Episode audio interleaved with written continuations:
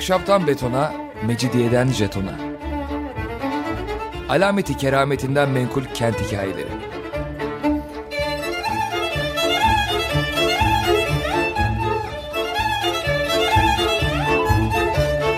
Hazırlayan ve sunan Pınar Erkan.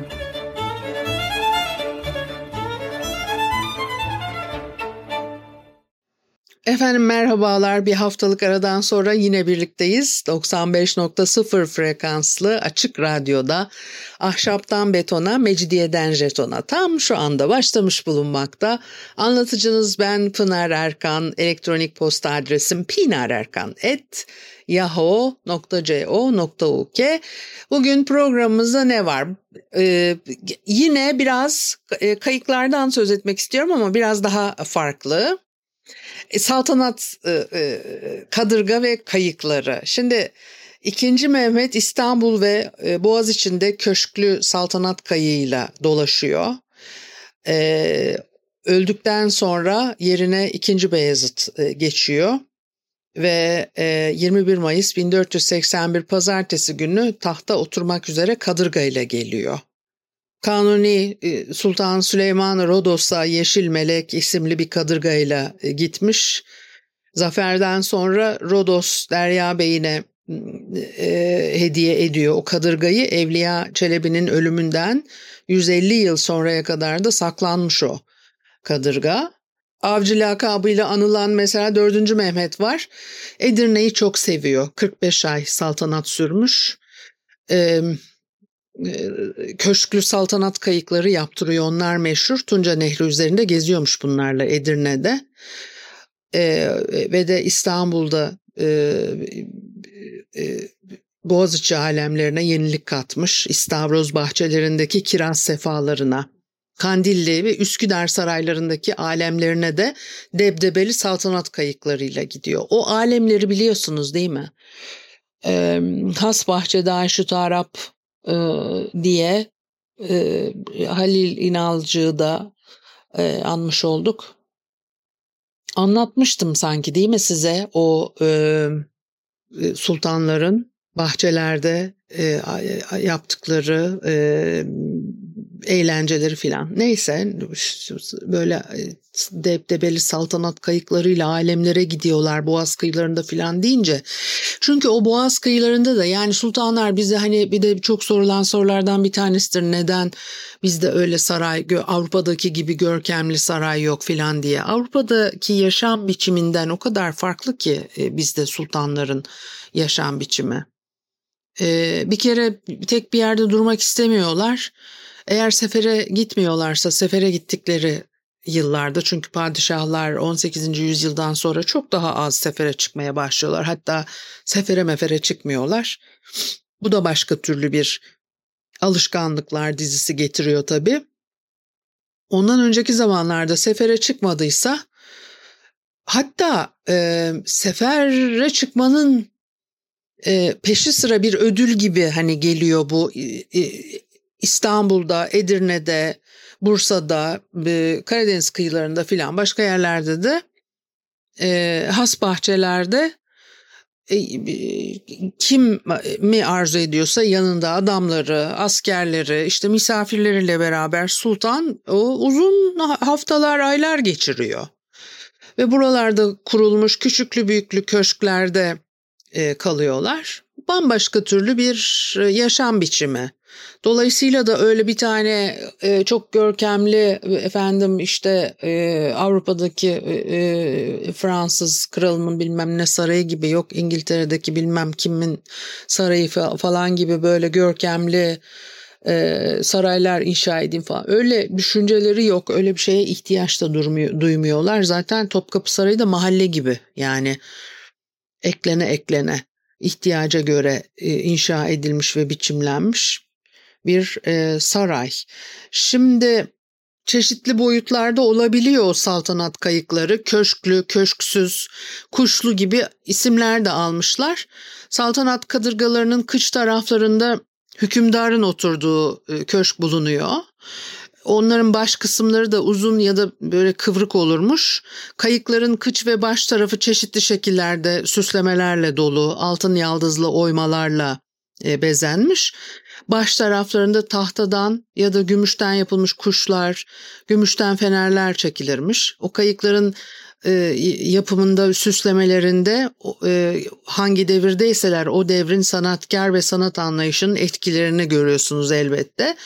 16. ve 17. yüzyılda o devrin e, sanatının en güzel örneklerini saltanat kayıklarındaki köşklerde görmek mümkün. Köşk süslemeciliğinde de altın, gümüş, bağ, sedef, fil dişi e, kıymetli taşlar kullanılıyor. Şimdi bir İngiliz gezgin var John Sanderson e, diye birisi 1585 senesinde İstanbul'a gelmiş padişah kayığını anlatıyor. Görülmeye değer niteliktedir bunlar ve çok süslüdür diyerek Kıç baştan başa fil dişi, abanons ve deniz aygırı dişinden 80 tane seçme kürekçisi varmış. Her kürekte ikişer kişi duruyor. Bir tarafta 20 kürek var. Kürekçilerin hepsi beyaz mintan ve kırmızı serpuş giyiyorlar. Kürek çekerken de e, bağırıyorlarmış. Niye bağırıyorlar ki diyor. Padişahın yanına aldığı vükelasının dışında dilsizlerle cüceler her zaman bir başka kayıkla kendisini izliyormuş. Kadınlar da yine bir başka kayıkla padişahı takip ediyormuş. Üçüncü Murat zamanında saltanat kayıklarının köşk süslemelerinde Çin'i de kullanılmış. Padişah İznik kadısına ferman gönderiyor. Diyor ki fermanım olan kayığın kıçı zeyn olunmak için İznik'te 2300 kıta Çin'i piruze renk küre lazım ve mühimdir.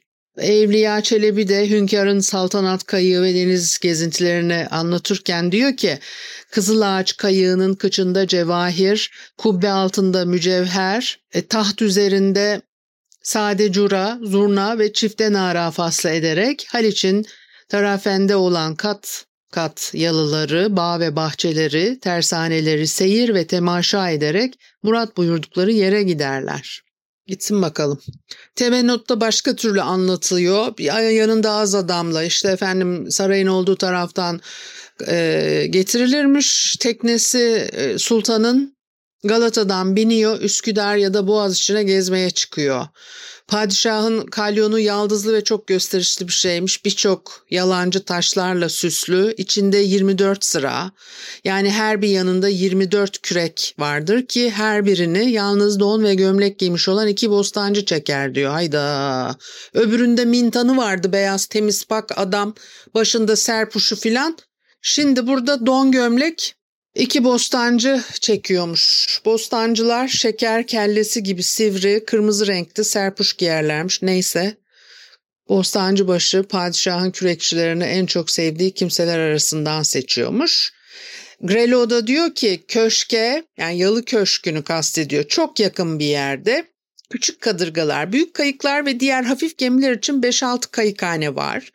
Bu gemiler padişahla mahiyetine istenildiği zaman boğazda gezdirmek için her an hazır durumda bekliyor. Küçük kadırgalar ve kayıklar baştan başa yaldızlı, Arap üslubu nakışlarla süslüymüş.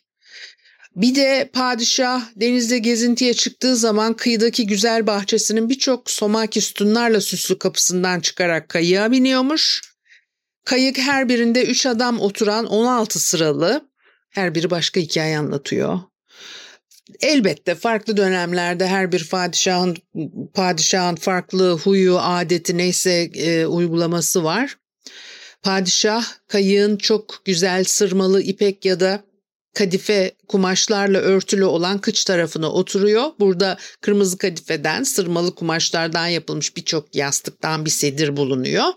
O padişahın en yakın adamlarından olan ağalar ya da harem ağaları çevresinde ayakta duruyorlar kayığın içinde, teknenin içinde. Sadece bostancı başı işte dümeni idare etmek için oturabiliyormuş. Ve de e, kürekçiler o kadar hızlı kürek çekerlermiş ki kayıklar adeta uçarak gidermiş.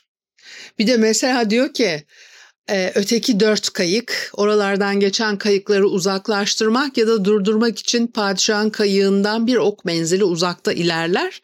Denizde padişaha rastlayan kayıklardaki insanlar hükümdarı saygıyla selamlar ve sesleri çıktığı kadar bağırarak ona iyilik dileğinde bulunurlarmış. Ee, ve de padişahı izleyen birkaç kayıkta gezintiye katılmak lütfuna erişen kişiler oturmuş. Bak o zaman da e, yok mu o e, işte e, o tepedeki adamları e, takip eden araçlar içerisinde bir de böyle kapıları açıyorlar kanat gibi kendileri de dışarıda falan ne olacaksa e, aracın etrafına başka araç yaklaştırmamak için hani arkadan yandan gelen araçlar kapıları açıp böyle gidiyorlar filan. Hani ne olacak acaba? Böyle yapmasalar. Araba gitmiyor. Ne oluyor böyle yapınca? Çok havalı ve görkemli oluyorsun. Ay çok korktuk falan mı dememiz gerekiyor? Böyle mi hissetmemiz gerekiyor kendimizi? Sürekli böyle bir huşu içinde bakacağız. Bak görüyor musun? Kapıları da böyle kanat gibi açtı. Bu adamlar uuu falan diye ay gerçekten Neyse konumuza e, dönüyorum. Padişahlar da yapıyormuş bunu. Denizde kayıkla yapıyorlarmış. Dört tane etrafındaki kayık padişahın kayığına yanaşacak olan öteki e, kayıkları e, durduruyorlarmış. Ve de gezinti sırasında padişahla sadece dümenin başında ve hükümdarın omuzunun yanında bulunan Bostancıbaşı konuşabiliyormuş. Peki ne konuşabiliyormuş derseniz eğer aman çok da hayırlı bir şey konuşmuyor. Padişaha devlet işlerinden, sürgün edilen memurlardan, paşaların işte durumundan, hareketlerinden söz edermiş. Yani gezintiye çıkmışsın, devlet işi konuşuyorsun, sürgün edilen memur konuşuyorsun. Padişahın geleceği çok kez Bostancıbaşı'nın konuşmalarına bağlıymış yalnız. Çünkü e, padişahın gözdelerinden olan bazı e, paşaların gizli niyetlerini ve küstahlıklarını haber veriyor. Jurnal ediyor yani. Bazen de suçsuz kimseleri suçlu gibi gösteriyor. Bostancıbaşı padişahın olan bitenden haberi olmadığını anlarsa onu istediği gibi etkiler ve hükümdarı kendi dostlarının lehine, düşmanlarının aleyhine kışkırtır filan. Ee, ve emelinde o kadar başarılı olurmuş ki gezintiden sonra paşalar çok kez başlarına gelecek e, e, felaketi bilmiyorlar yani. Böyle sürekli bir tedirginlikle yaşıyorsun. Bir müzik aralı verelim, e, bir müzik arası verelim ondan sonra devam edelim. Efendim Açık Radyo'da Ahşaptan Betona, Mecidiyeden Jeton'a devam ediyor. Haliyle Pınar Erkan'ı dinlemektesiniz. Şimdi o saltanat kayıklarında neler yaşanmış? İkinci Mehmet Haliç ve Boğaz içinde e, Köşklü kayığıyla dolaşmış. Ondan sonra 1481 yılı baharında yeni bir sefer için ordusuyla birlikte İstanbul'dan Üsküdar kıyılarına geçiyor. Aniden hastalanıp Hünkar Çayırı'nda vefat ediyor. Padişahın cenazesi o yılın Mayıs ayı işinde kapalı bir arabayla Üsküdar'a getiriliyor. E, padişah hastalandı hamam yapacak rivayetiyle Topkapı Sarayı'na saltanat kadırgasıyla e, geçirilmiş. E, işte günlerce gömülmemiş filan böyle çok enteresan da hikayeleri de vardır. Ve o taht kavgaları kim başa geçecek e, oğlun da hırslanır, evladın da hırslanır, her şeyde olur. Böyle e, sanki normal insan hayatı e, yaşıyorlarmış gibi e, e, e, düşünmek kadar elbette e, anlamsız bir şey yok. Yeni hükümdar 2. Bayezid 21 Mayıs 1481 günü tahta oturmak üzere Üsküdar'dan İstanbul'a Kadırga ile geçiyor. İki sahil arası kayıklarla, gemilerle doluymuş. Yeniçerileri taşıyan kayıklar padişahın bindiği teknenin etrafını sarıp kendisinden birçok isteklerde bulunmuşlar. Bayezid daha karaya ayak basmadan kayık içinde isteklerinin kabul edildiğini bildirmiş. Ondan sonra aradan çok uzun zaman geçiyor. Ee, Sultan Süleyman'ın öbür ölüm haberiyle Topkapı Sarayı e, kayıkhanesindeki kadırgayı Hümayun e, gönderiliyor ve yeni padişah saltanat kadırgasıyla Üsküdar'dan ayrılınca Kız Kulesi'nden toplar atılmaya e, başlıyor. İkinci Selim'in ölümüyle birlikte Üçüncü Murat tahta davet ediliyor ve de Mudanya'ya e, saltanat kadırgası gönderilmiş fakat padişah daha önce bir buz kayığıyla İstanbul'a gelmiş zaten. 17. yüzyıl başlarında sarayın altın yaldızlar, kışlar, atlaslar içindeki kayıklarına 1. Mustafa atla binmek istemiş. Zorla vazgeçirmişler zatı şahanelerini e, deniz gezintisine çıkarılmış balıklara altın serpiyormuş. Dönüşte de kayığın arkasından e, saraya çıkartılması için yalvarıyormuş. Peşevi diyor ki Gahı kayık ile derya seyrin ederdi. Gahı esbir ehvare suvar olup bir tarafa başını salıp giderdi ve hemen kar ve bağrı iki cebin altın ve akçe ile doldurup gahı deryada tuyur ve mahiye gahı yollarda bulunan tebahiye döker ve saçardı. Anladıysanız şahane. 17. yüzyıl içinde o sarayda e, israfın sınırsız bir hal aldığı devir, Sultan İbrahim devri, sarayını samurlarla kaplatıyor, sakalına inciler dizdiriyor, bilirsiniz onları. Kayık arabaları da kıymetli taşlarla e, donatıyormuş. O padişahın yedi hasekisinden her birinin hususi sarayı ve ketüdası var. Her biri e, e, bir sancağın gelirini alıyormuş. Ve de kendilerine ahcar semine ile zinetler sandallar, arabalar tahsis edilirmiş. Ondan sonra Viyana bozgununun acı yılları geliyor ve Pasarofça barışıyla İstanbul'a huzur gelmiş biraz. Unutulan alemler tekrar e, canlanmaya başlamış. Bu sefer de Sadrazam Nevşehirli İbrahim Paşa Boğaziçi'nin e, sahil saraylarını onartıyor. Buralarda yeni kasırlar yaptırıyor. Haliç yeni köşkler ve e, bahçelerle donatılıyor. Üçüncü Ahmet daha sakin bir adam aslında. E, o sadrazam İbrahim Paşa ve devrin vezirleri, zenginleri e, halk bu kıyılarda kayıklarla alemler e, yapıyorlar ve seviyorlar böyle şeyleri. İşte o Çırağan Sarayı'nın yeniden inşası onu da yakın zamanda anlattım. Yakın zamanda dediysem herhalde en az bir iki ayı vardır. E, o bahçelerde helva partileri filan. E, sanki bunlar hiç yokmuş böyle şeyler hiç olmuyormuş filan zannediyor ya o e, sokaktaki abiler ablalar falan.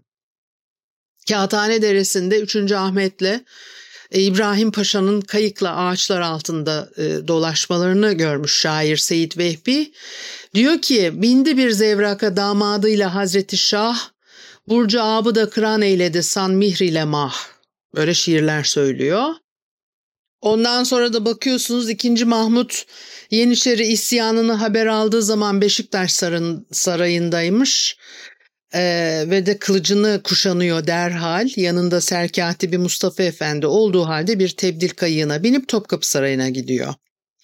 İkinci Mahmut birçok yenilikler yapma girişiminde bulunmuştu. Ee, ve de elbette Bahriye'nin islahında görüyor birçok e, e çareyi. E, dolayısıyla da onun devrinde gemi inşaatında ciddi yenilikler yapılıyor. 1829'da e, ilk defa padişah için alınan bir vapur İstanbullular arasında Bu gemisi e, ismiyle anılıyordu. Marmara şehirleri arasında bu vapurla yolculuklar yapıyor. Boğaz içinde de dolaşıyormuş bu gemiyle.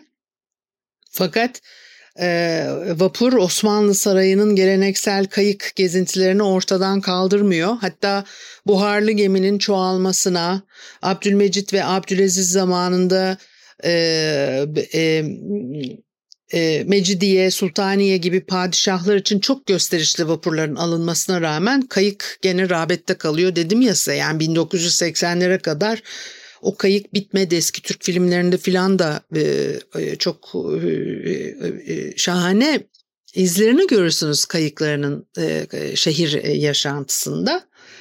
E, ikinci Mahmut'un kayığının rengi beyazmış, kenarları da yaldızlıymış. E, kayığın burun tarafı gene yaldızlar içinde uzanıyor ve sivri burun üstünde içeriye doğru büyük muhteşem bir e, kavisle bükülürmüş. Arka tarafta e, hünkârın oturduğu köşk var. Köşkün dört yaldızlı sütun bir de üst kısmı varmış. O sütunların üstünde de zarif baş, başlıklar, süslü güzel bir, bir e, kayık. Bir de tabii Boğaz içinde kayıklar çok meşhur ya. E, e, Abdülhak Şinasi Hisar'ın Boğaz içinde gözlemlerini de gene çok e, önceki programlarda konuşmuştuk. Boğaziçi kayıkları dünyanın en ince eşsiz güzelliğini göz ve ruh için yaşanmış bir rüya haline getirmek üzere yapılmışlardır. Sanki ancak rüyalarda binilen bir takım salıncaklardır. Boğaziçi kayıkları Venedik'in gondollarından çok kere daha ince, daha zarif, kullanış bakımından da e, daha e, elverişliydi. O kayıkçı gondollarda olduğu gibi ayakta kürek çekmiyor. Yüzü kayıktakilere dönük ve e, kaç göç zamanlarında bile kadınlara karşı oturuyorlar. Ve de bakımlı bir ev kayığı da gerçekten kendine has bir sanat eseri çoğu klasik olarak kabul edilen portakal rengindeki kayıklar bunlar. Kenarlarında da yaldızla çizilmiş e, bir çift zihin arasında eflatun yahut e, suların renginde mavi veya havai lacivert bir e, şerit olarak ortaya çıkıyor. Kadife veya çuhadan döşemeli yastıkları o zamanlar en sevilen renkler onlarmış. Al vişne çürüğü, açık mavi veya kahverengi oluyorlar. Hamlacılar kayık e, takımlarının kadife veya çuhasından bir renkte bir örnek elbiseler e, giyiyorlar. Terlemesinler diye de boyunları açık hilali gömlekler, beyaz şalvarlar, beyaz çoraplar, ayaklarına arkaları basık yemeniler ve başlarına da e, her biri birbirinin eşi olan fesler giyerlermiş. O krem renkli, bol kollu, hilali gömlekler üzerine isterlerse kayıkların döşemeleri renginde cepkenlerini de e, alabiliyorlar. Bazen de beyaz şalvarları üzerine hep döşemelerin renklerine uygun atlas birer kuşak sarıyorlar. Kayık eğer kadınlara özel olacaksa arka tarafından suların rengine uyan havai mavi bir ihram, uçları e, sularda ıslanan, ıslanarak sarkarmış. Yine e, Göksu'da gezintiye çıkan kayıklarda e, bunların örneklerini konuşmuştuk. Bu kayıklara binme inme e, usulleri bile e, zamanla bir anane halinde yerleşmiş. E, hanımlar kayıklarına biniyorlar veya e, işte e, kayıklara e, çıkıyorlar. En öndeki kayıkçı ayakta ellerini değil destek olması için omuzunu uzatırmış. O hanımların elleri e, o omuza bir kuş gibi bir an içip e, konup e, kalkarmış ve o sırada da sondaki kayıkçı elindeki kancayı taşların bir noktasına takarak kayığın rıhtımdan ayrılmamasını sağlarmış. Bütün bu küçük hareketlerin bir usulü, bir kaidesi, e, bir üslubu var. Hatta bir de böyle kayıkçı o uzun saplı parlak kancasını takıyor ya bir özel bir oyuk e, taşlar arasında e, bilerek oraya yerleştirilmiş veya orası bilerek oyulmuş filan. Dolayısıyla e, hiçbir şey tesadüfe bırakılmış değil. Bir de Mısırlı aileler arasında e, üçüncü bir gezinti aracı olarak böyle yeni zarif rahat ince kikler e, rağbetteymiş. Daha sonraları yine Boğaziçi iskelesinde boyalı e, kadife döşemeli, kayıkçıları temiz giyimli, iki çifte kram sandalları da türemiş falan. Bunları da kiralayabiliyorlar. Bir de akşam gezintileri var. Ee, e, bu o akşam gezintileri de yine e, özellikle mehtaplı gecelerde filan e, düzenleniyor. Gene konuşurduk. Belki başka bir programda başka hikayeleri de peşine takarak gene konuşuruz çünkü vakit kalmadı. O haftalık da bu kadar olsun. Haftaya görüşene kadar hoşçakalın.